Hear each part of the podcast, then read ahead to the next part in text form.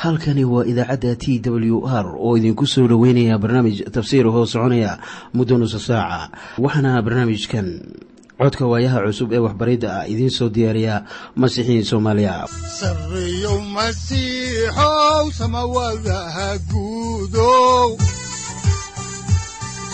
siraadkii adduunkow subanaha eebow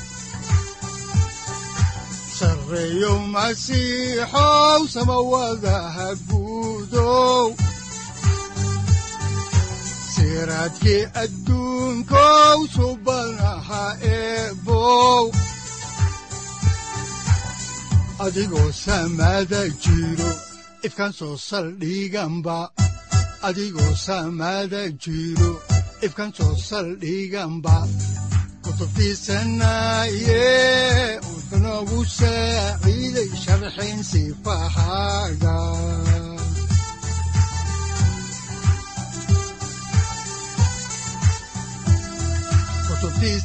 kutubtiisinayow ebnagu saaciid sharxayn sifahaaga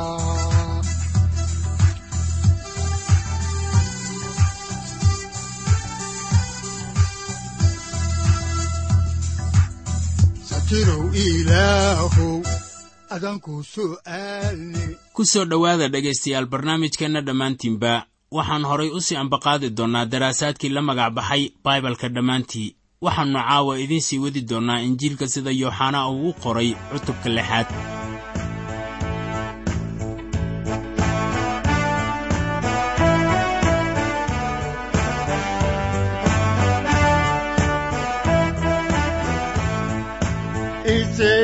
isay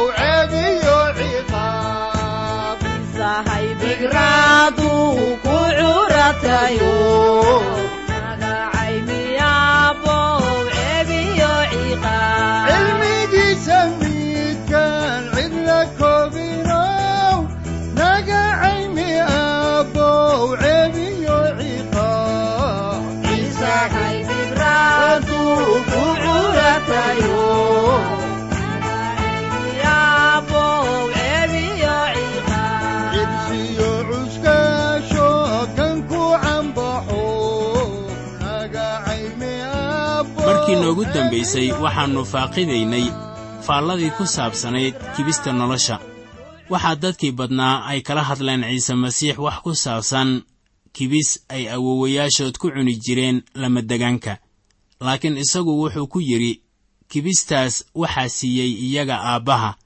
Waxaa inta laynoogu sheegayaa doorashada xorta ah iyo go'aammada xorta ah ciise wuxuu yidhi dhammaan wixii aabbuhu uu i siiyo oo ah hadal run ah waana doorasho aabbuhu uu u dooranayo kuwa raacaya inankiisa laakiin welibana waa run. Marka uu leeyahay kan ii yimaada oo ah midka qaadanaya go'aan xor ah oo soo aaday masiixa haddaba ilaah wuxuu doonayaa in kuwa uu u soo doortay masiixa ay iyaga ikhtiyaarkooda ku raacaan masiixa laakiin aanay noqon qasab.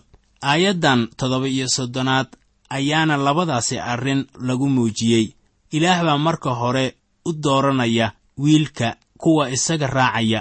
Kuwii isaga raacayeyna waxay ku raacayaan ikhtiyaarkooda. Markaana waa xaalad wada jirta doorashadan iyo ikhtiyaarka kuwa la doortay oo la qadarinayo. Laakiin si kastoo ay tahay kuwa ilaah uu u doortay masiixa waxay mar waliba raacayaan masiixa. Inkastoo la leeyahay kuwa aabbaha uu u doortay ayaa ikhtiyaarkooda ugu imaanaya wiilka ayaa haddana wiilku uu leeyahay oo kii ii yimaadana ma eryi doono. Saaxiib qofka waa odhan karaa waxaan ahay kuwa la doortay laakiin haddana adigoon lagu dooran ayaad ilaah u imaan karaysaa oo haddii aad u timaado isagu ku eryi maayo kuwa la doortay oo masiixa la siiyey ilaah unbaa sheegi kara. Marka qof baa wuxuu odhan karaa xitaa haddaan lay dooran welibana waan u imaan karaa masiixa. Miyay tahay sidaasi? Saaxib haddii aad u timaado waxaad noqonaysaa kuwa la doortay. War maxay taasu tahay wax la yaab leh? Haddaan horay idinku sii wadno kitaabka oo aan eegno injiilka sida yooxanaa uu u qoray cutubka lixaad aayadda siddeed iyo soddonaad waxaa qoran sida tan. Waayo waxaan samada uga soo degay ma aha inaan doonisteeda yeelo laakiin inaan yeelo doonista kii i soo diray. War maxay wacan tahay in doonista ilaah ay tahay inaan u nimaadno? Ciise wuxuu ka yimid samada. Waayo wiilka aadanaha waa in la qaadaa wuxuu markaasi u yimid inuu sameeyo doonista aabbaha oo adiguna waxaad mar kale ku dhalataa doonista aabbaha. Laakiin waa inaad u timaadaa saaxib taasina waa sida keliya ee aad ugu imaan karayso. Waa inaad sayid ciise masiix ugu timaadaa rumaysad. Haddaan horay idinku sii wadno kitaabka oo aan eegno injiilka sida yooxanaa uu qoray cutubka lixaad aayadda sagaal iyo soddonaad ayaa waxaa qoran sida tan. Tanu waa doonistii kii i soo diray. In kuwii uu dhammaan i siiyey aanan midna ka lumin laakiin inaan maalinta u dambayso soo sara kiciyo. Haddaba arrinka quseeya kuwa horay loo doortay ayay qusaysaa kuwa badbaaday. Macnuhuna waa isla sidan uu ku leeyahay aayaddan. Haddii qof uu aqbalo masiixa waa laga raalli noqonayaa wuxuuna noqonayaa xaq isla sida looga raalli noqday. Qofkaasina wuxuu helayaa jir ammaan leh marka ciise uu leeyahay boqol ida ah ayaa waxba iska dhimaynin. Aayadduna sidaas bay micno ahaan noqonaysaa. Qof waliba ee rumeeya oo qaabila masiixa wuxuu leeyahay nolosha weligeed ah. Waxaana qofkaasi la sara kicinayaa maalinta qiyaamaha. Haddaan horay idinku sii ambaqaadno kitaabka oo aan eegno injiilka sida yooxanaa uu u qoray aayadaha kow iyo afartan ilaa laba iyo afartan ee cutubka lixaad waxaa qoran sida tan. Sidaas aawadeed yuhuuddu way ganuunaceen maxaa yeelay wuxuu yidhi anigu waxaan ahay kibista samada ka soo degtay waxayna yidhaahdeen kanu miyaannu ahayn ciise ina yuusuf. Kaannu aabbihiis iyo hooyadiis naqaan. Hadda sidee buu u leeyahay? Samada baan ka soo degay. Sidaad arkaysaanba wuxuu barayaa inuu rabbi yahay oo uu samada hoos uga soo degay. Waxaan idinku leeyahay qaybtan ayuu inagu barayaa dhalashadiisii uu ka dhashay bigradda. Waxaa jira kuwa yidhaahda ciise masiix inama barin inuu yahay mid bigrad ka dhashay. Maxaa u malaynaysaa inuu intaa ka leeyahay saaxib? Yuhuudda waxay garanayaan waxa uu lahaa. Waxayna halkan ku leeyihiin sideeba waxaasi ku noqonayaa miyaannu ahayn kii aynu aabbihiis iyo hooyadiisba garanaynay laakiin waa dhalashadii bigradda uu ka dhashay. Tan ayna garanaynin. Malaa'igta ayaa u sheegtay maryama sida ku qoran injiilka sida luukas uu u qoray cutubka koowaad aayadda shan iyo soddonaad. Waxaana qoran malaa'igtii waa u jawaabtay oo ay ku tidhi ruuxa quduuska ah ayaa kugu soo degi doona oo xooggii kan ugu sarreeya ayaa hoosiis ku noqon doona. Sidaa darteed kan quduuska ah oo kaa dhalan doona waxaa loogu yeedhi doonaa wiilka ilaah haddaba aayaddan siddeed iyo soddonaad ayaa ah dhammaystirka qisada ku saabsan dhalashadii uu ka dhashay bigradda. Waxaana loo baahan yahay in lagu daro qaybaha kale ee qorninka kuwaasoo xaalkaasi ka hadlaya. Wuxuu masiixu leeyahay waxaan ka imid samada. Wuxuu ka yimid meel qurux iyo qiimiba leh. Wuxuuna soo galay duni qoomamaysan wuxuu hoos uga soo degay samada. Uu ka yimid carshigiisii si uu u koro iskutallaabta oo aniga iyo adiga uu inoo dhinto. Wuxuu sidaas ku yeelay dhalashadiisii uu ka dhashay bigradda. Haddaba waxaan maqlaynaa heeso badan oo la qaado maalinta dhalashada masiixa. Laakiin dhalashadii uu ka dhashay bigradda sayidkeenna ciise masiix ayaa noqonaysa qisada keliya ee masiixeenna maalintuu dhashay ee loo yaqaano kirismas su'aal baa halkaasi ka soo baxaysa oo leh miyaannu ciisahan u ahayn wiilkii yuusuf. Waxay la ahayd inay garanayaan aabbihiis iyo hooyadiis laakiin ma ahayn wiilkii yuusuf. Wuxuu ka yimid samada. Haddaan horay idinku sii wadno injiilka sida yooxanaa uu u qoray cutubka lixaad aayadaha saddex iyo afartan ilaa afar iyo afartan waxaa qoran sida tan. Markaasaa ciise uu u jawaabay oo uu ku yidhi ha ka ganuunicina dhexdiinna. Ninna iima imaan karo hadduusan aabbihii i soo diray soo jiidin. Aniguna maalinta u dambaysa waan soo sara kicin doonaa. Haddaba doorashadani waa mid rabbaani ah. Waxaad markaasi i weydiinaysaan inaan idin sharaxo markaana ma sharraxi karo saaxib. Waxaanse ogahay inaad leedahay ikhtiyaar kaasoo aad sidaa doonto u isticmaali karto. Ilaah taas adiga ayuu kuu xilsaaray. Waa marka aad labadan arrimood mid ka dooranayso. Waxaad iminkaba garanaysaa inaad leedahay xaqa ah inaad ilaah u timaado iyo inaadan u imaanin. Waa wax adiga mas'uul lagaaga dhigay oo kuugu xidhan haddaan horay idinku sii wadno injiilka oo aan eegno aayadda afartan iyo shanaad ee cutubka lixaad waxaa qoran iyana sida tan. Waxaa ku qoran kitaabadii nebiyada kulligood ilaah baa wax bari doona. Mid kasta oo aabbaha wax ka maqlay oo ka bartay waa ii yimaadaa waxaad arkaysaan in qorniinka marar badan looga hadlay axdigii hore taasoo ku saabsan xaalkan.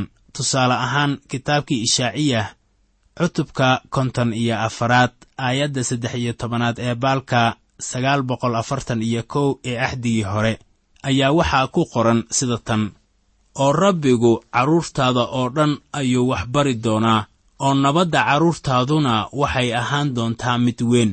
Waxaa kaloo ku qoran kitaabkii ishaaciyah cutubka lixdanaad aayadaha laba ilaa saddex ee baalka sagaal boqol afartan iyo lix ee axdigii hore sida tan. Waayo bal ogow dhulka gudcur baa dabooli doona oo dadyowgana mugdi dam ah ayaa qarin doona laakiinse rabbigaa soo bixi doona oo ku iftiimin doona oo ammaantiisana korkaaga lagu arki doonaa oo quruumaba iftiinkaaga u imaan doona oo boqorrana waxay u imaan doonaan dhalaalka sara kiciddaada. Haddaba hadalladaas ayaa laga sheegay kuwaasoo aynu arkayno in loo imaan doono isaga. Waxyaalahan ayaa si cajiib ah loo caddeeyey.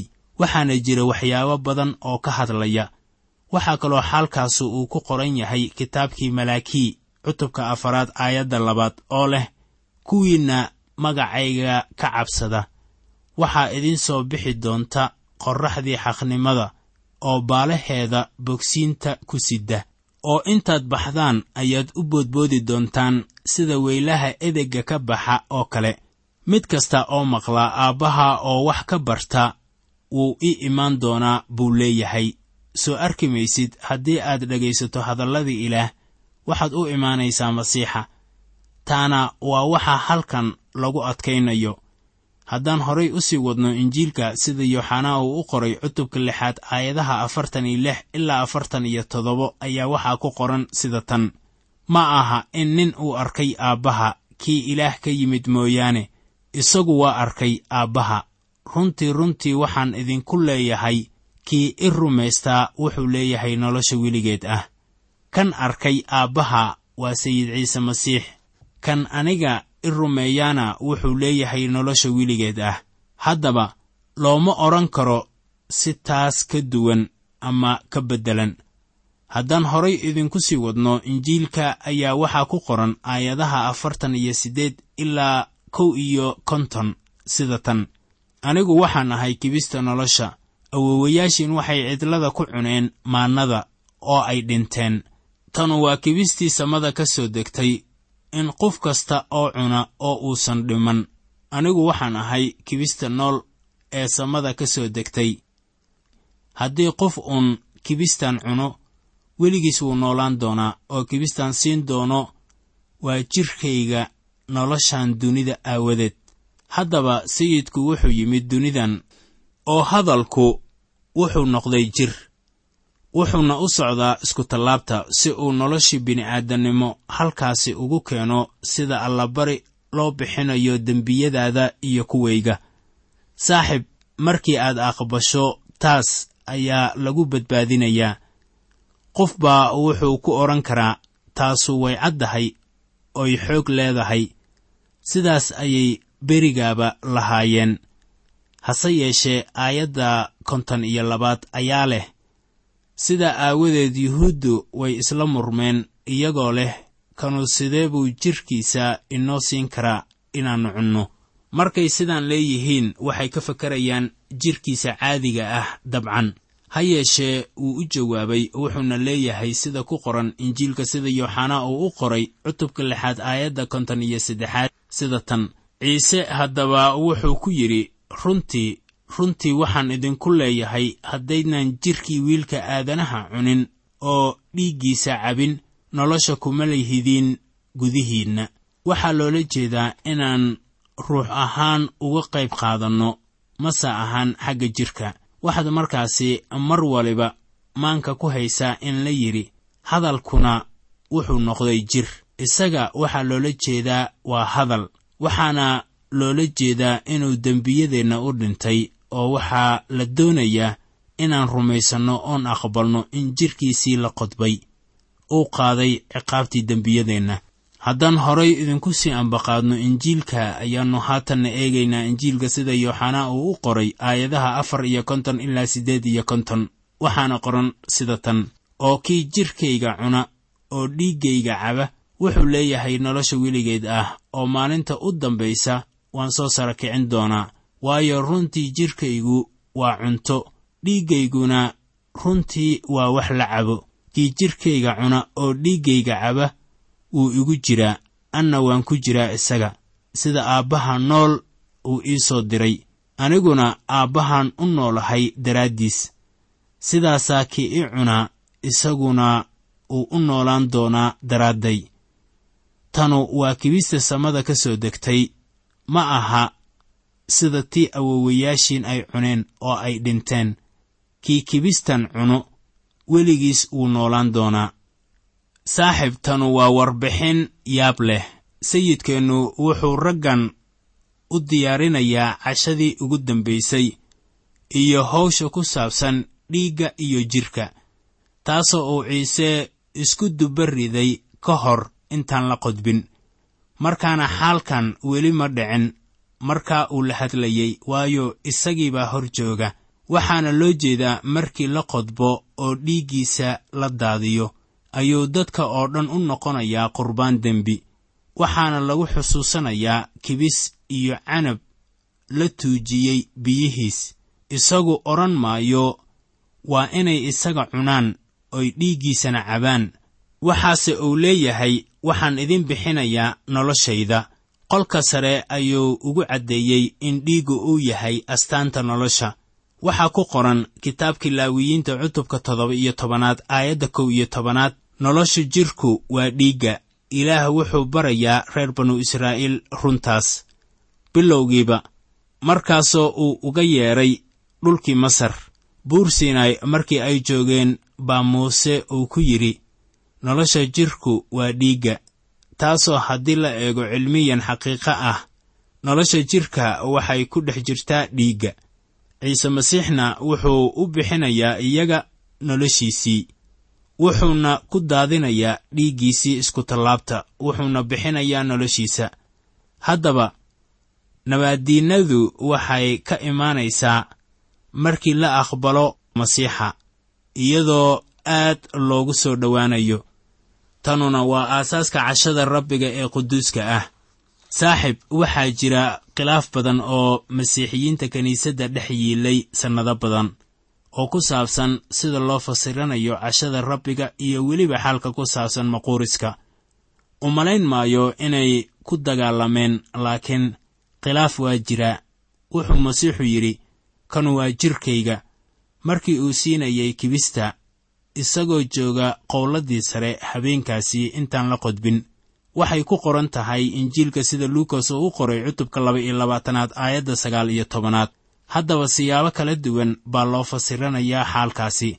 Kiniisadda katoliga ayaa waxay adkaynaysaa tan.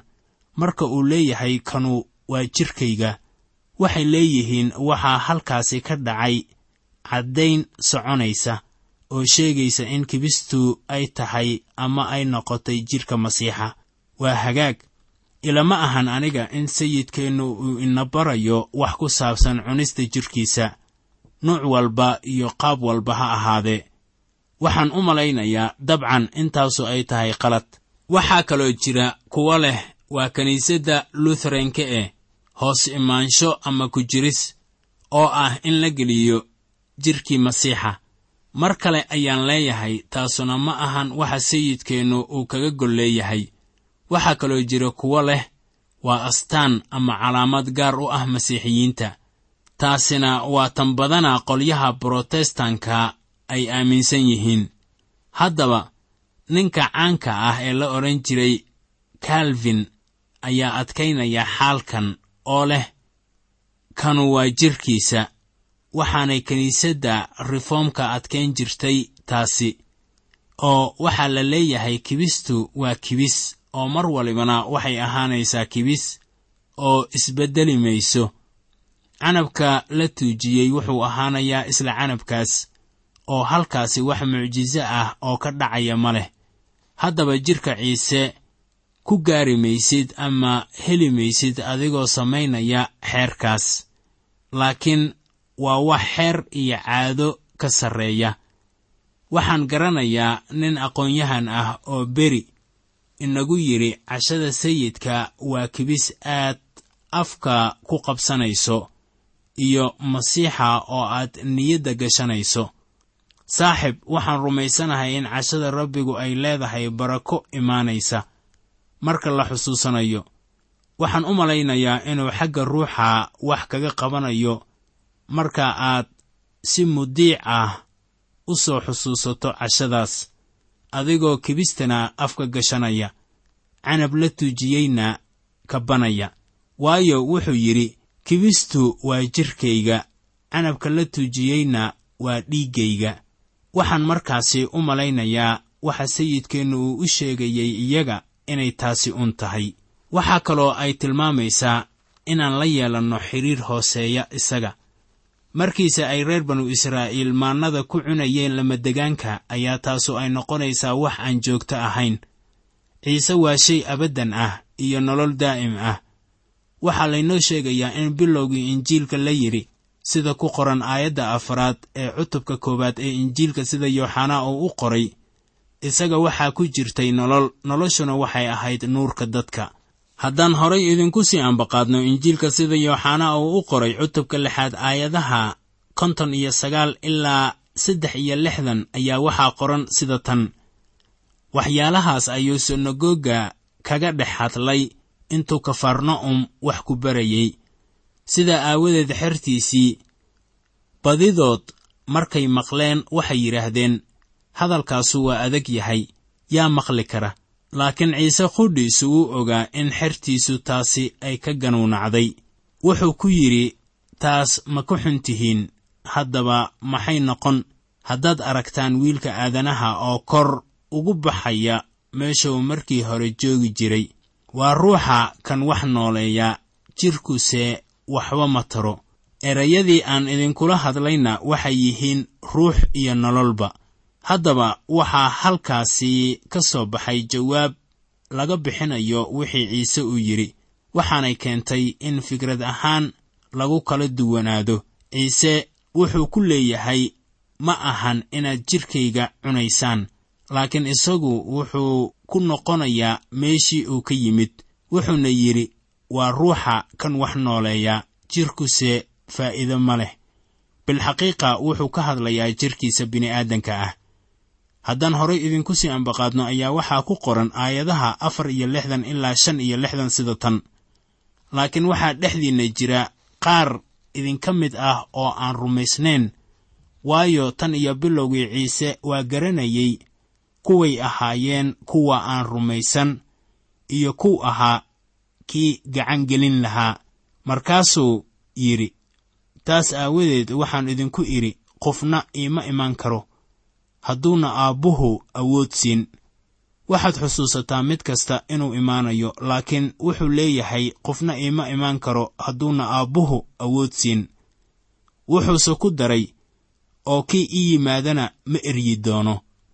Waxaan horay idinku sii wadaynaa injiilka sida yooxanaa uu u qoray aayadda lix iyo lixdanaad ee cutubka lixaad waxaana qoran sida tan.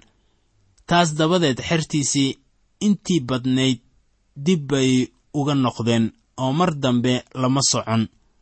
Waxaad xusuusataan in maalintaasi ay ciise hor joogeen madaxdii diinta oo cadhaysan iyo xer fara badan iyo weliba yudas iskariyot markaana xer kale oo tiro badan ayaa dib uga noqday. Waxaa halkaasi ka soo baxaya afar ra'yul caam oo kala gedisan. Mid waxaa qabay madaxdii diinta midna xertii badnayd ee dib u noqotay midna yudas iskariyot midna intii hartay ee xerta ahayd. Haatanse aynu horay idinku sii wadno oo aan eegno aayadaha toddoba iyo lixdan ilaa siddeed iyo lixdan. Waxaa qoran sida tan haddaba ciise wuxuu laba iyo tobankii ku yidhi idinkuna ma doonaysaan inaad tagtaan. Markaasaa simon butros wuxuu ugu jawaabay sayidow yaannu u tagnaa. Adiga haya erayadii nolosha weligeed ah haddaba hadalladii simon butros waxay ahaayeen kuwo caaqibo leh. Haddaba aan su'aal ku weyddiiye adigu miyaad ka tegaysaa masiixinimada? Innagu waxaannu leennahay sayidow yaannu u tagnaa. Adigaa haya erayadii nolosha weligeed ah haddaan horay idinku sii wadno xigashada oo aan haatan ku soo gunaanadno cutubkan lixaad ee injiilka sida yooxanaa uu u qoray aayadaha lixdan iyo sagaal ilaa kow iyo toddobaatan waxaa qoran sida tan. Annaguna waa rumaysannay waana ognahay inaad tahay kan quduuska ah ee ilaah. Ciise wuxuu ugu jawaabay miyaanan idin dooran idinkoo laba iyo toban ah. Mid idinka mid ahna waa cirfiid. Wuxuu ka hadlay yudas ina simon iskariyot waayo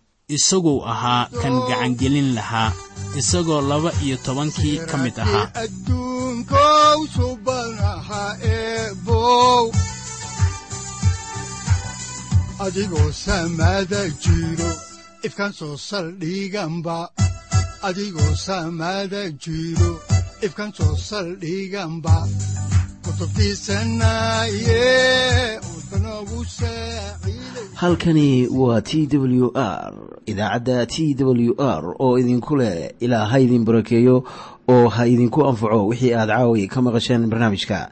Waxaa barnaamijkan oo kalea aad ka maqli doontaan habeen dambe hadahan oo kale haddiise aad doonaysaan in aad fikirkiina ka dhiibataan wixii aad caawi maqasheen ayaad nagala soo xiriiri kartaan som t w r at t w r c o k e haddii aad doonaysaan in aad dejiisataan oo kaydsataan barnaamijka ama aad mar kale dhegaysataan fadlan mar kale booqo www t w r o r g amase www t t b t w r o r g. Amase waxaad teleefoonkaaga ku kaydsataa ama ku download garaysataa agabyada ku sahli karaa dhegeysiga t w r haddii aad doonayso in laga kaalmeeyo dhinacyada fahamka kitaabka amase aad u baahan tahay duco fadlan fariimahaaga soo mari bogga aaraahda ama kommentska inana jawaab degdeg ah ayaanu ku soo diri doonaa amase ku siin doonaaye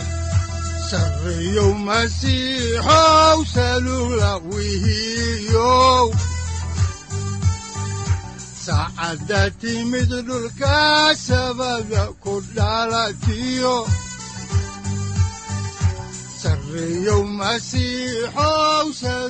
halkani waa t w r oo idiin rajaynaya habeen baraare iyo barwaaqaba leh inta aynu ka gaari doono wakhti aynu ku kulanno barnaamij la mida kan caawayay aad maqasheen. Waxa aan idinku leeyahay nabadda ciise masiix ha idinku badato xagga jidhka iyo ruuxaba. Aamiin